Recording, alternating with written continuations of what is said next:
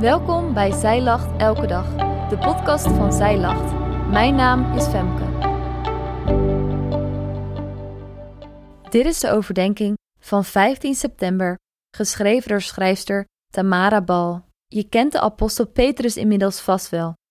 Petrus had besloten om Jezus te volgen toen Jezus hem een paar jaar geleden riep. Sindsdien heeft hij veel tijd met Jezus doorgebracht. Hij leert over wie Jezus is en wat hij doet. Petrus probeert steeds meer op hem te gaan lijken, zoals een goede discipel hoort te doen, met vallen en opstaan. Vandaag wil ik je meenemen in het gesprek dat Jezus heeft met zijn discipelen over zijn lijden en Petrus' reactie daarop. In Marcus 8, vers 31 staat: En Jezus begon hen te onderwijzen dat de zoon des mensen veel moest lijden en verworpen worden door de oudsten en overpriesters en schriftgeleerden en gedood worden en na drie dagen opstaan. Het volledige Bijbelgedeelte voor vandaag is Marcus 8, vers 27 tot 38. Jezus heeft zijn discipelen bij elkaar gebracht en legt uit dat hij moet lijden. Peters reactie is het bestraffen van Jezus. Dat is een interessante reactie. In Marcus 8, vers 29 zegt Petrus: U bent de christen, maar nu bestraft hij Jezus? Hoewel Petrus weet Hoewel Petrus weet en beleidt dat Jezus de Christus is, begrijpt hij nog niet ten volle wat dat betekent. Hij heeft al veel tijd met Jezus doorgebracht. Hij heeft hem wonderen zien doen en hij heeft hem zelfs zijn eigen schoonmoeder zien genezen. Maar Petrus heeft ook een hele andere voorstelling van de zo lang verwachte Messias. Hij gelooft, net zoals alle andere Joden, dat de Messias een rijk van vrede en gerechtigheid gaat stichten.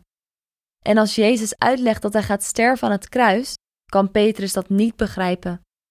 De meester waarvan hij zoveel leert, die zijn grote held is en redding zal brengen voor het land, zal gaan sterven aan een kruis? Maar Jezus bestraft Petrus en zegt: Ga weg achter mij, Satan, want u bedenkt niet de dingen van God, maar de dingen van de mensen. Jezus is hier heel fel en bestraft de duivel direct.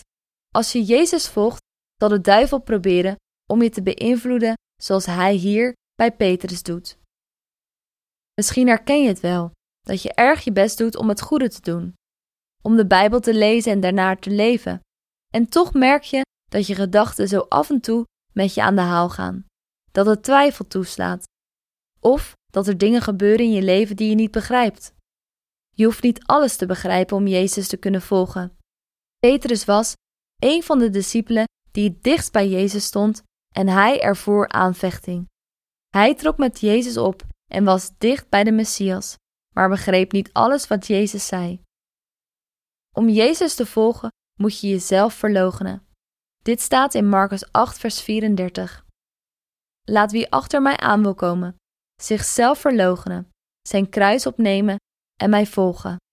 Dit betekent dat je jouw eigen ego, jouw eigen wil en rechten en jouw identiteit moet opgeven. Jezelf volledig overgeven. Leren om te accepteren dat je niet alles hoeft te begrijpen om Jezus te kunnen volgen, maar jezelf mogen overgeven aan Hem. En dat brengt risico's met zich mee. Petrus moet erop vertrouwen dat degene die hij zo lief heeft, weet wat hij doet. Als we verder lezen in de Bijbel, weten we dat Petrus vaak vragen stelt aan Jezus. Soms begrijpt hij niet waarom Jezus kinderen zegent of waarom de rijke jongeman alles moet geven om het koninkrijk van God in te kunnen gaan. Het is Petrus die beleidt dat Jezus de Christus is, maar uiteindelijk ook Jezus verlogent. Maar we weten ook dat Petrus degene is die uiteindelijk de kerk van Jezus bouwt, die mensen geneest in Jezus' naam, die het evangelie vertelt aan veel mensen en hen tot Jezus brengt. Jezus wijst Petrus niet af omdat hij hem niet begrijpt of fouten maakt in zijn leven, maar Jezus houdt Petrus dichtbij, omdat het leven met Jezus en de relatie die we mogen hebben genoeg is.